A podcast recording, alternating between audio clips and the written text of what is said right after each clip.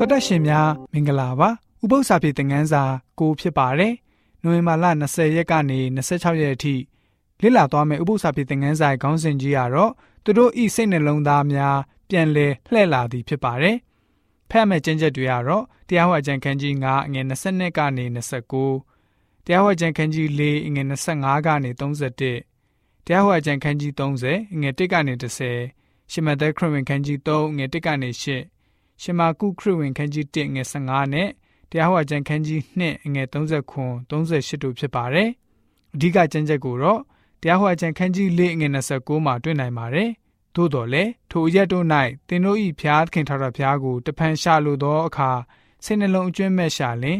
တွေ့ရကြလိမ့်မည်ဆိုပြီးတော့ဖော်ပြထားပါတယ်။လူရဲ့အသက်တာဟာရိုးရှင်းလာပါတယ်။လူတိုင်းဟာအပြစ်သားတွေဖြစ်ကြပါတယ်။လူသားတွေရဲ့ပျက်စီးရတဲ့အကြောင်းရင်းကို ခရိယန်တွင်တင်ချက်မှာကျွန်တော်တို့နားထောင်ကြားသိကြရပါတယ်။သို့တော့လူတိုင်းဟာ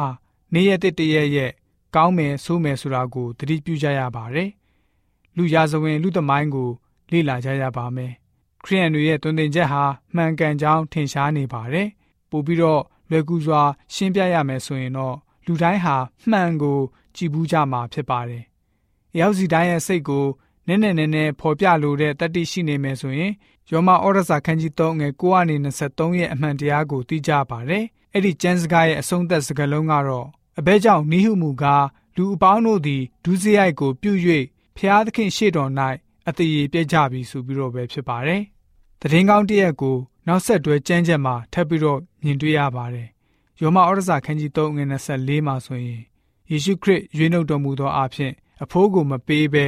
ဖျားသခင်ဤကျေးဇူးတော်ကြောင့်ဖြောက်မတ်ရာသို့ရောက်ရကြ၏ဆိုပြီးတော့ဖြစ်ပါတယ်။အမှန်တကယ်ပဲသတင်းကောင်းတရက်ကိုမြင်နေရပါတယ်။နောက်နောက်ရကြဖို့ပဲဖြစ်ပါတယ်။အပြစ်ကိုပြန်ပြီးတော့သိဖို့ဖြစ်ပါတယ်။ဝမ်းနဲ့တက်ရမယ်။ဖျားရှင်ကိုခွင့်လွှတ်ပေးပါလို့တောင်းပန်ကြရမယ်။အပြစ်ကိုလုံးဝဆွန့်လွတ်ပြီးဖျားသခင်စီပြန်လာရမယ်။ကျွန်တော်တို့ဟာအပြစ်နဲ့ပြစ်နဲ့လျက်ရှိနေပြီးတော့ခရိယန်တယောက်ဖြစ်မယ်ဆိုရင် နောင်တစိတ်နောင်တတရားကို အထူးအလေးထားပြီးတော့အဓိကလှုပ်ဆောင်ရမယ့်အရာလို့သဘောထားရပါမယ်။အခုတစ်ပတ်မှာတော့တရားဟောအကျမ်းကနေနောက်နောက်တရားအကြောင်းကိုလေ့လာသွားကြမှာပဲဖြစ်ပါတယ်ဆိုပြီးတော့ဥပုံနဲ့ဥပု္ပ္ပစာပြေသင်ခန်းစာကဖော်ပြပေးထားပါတယ်။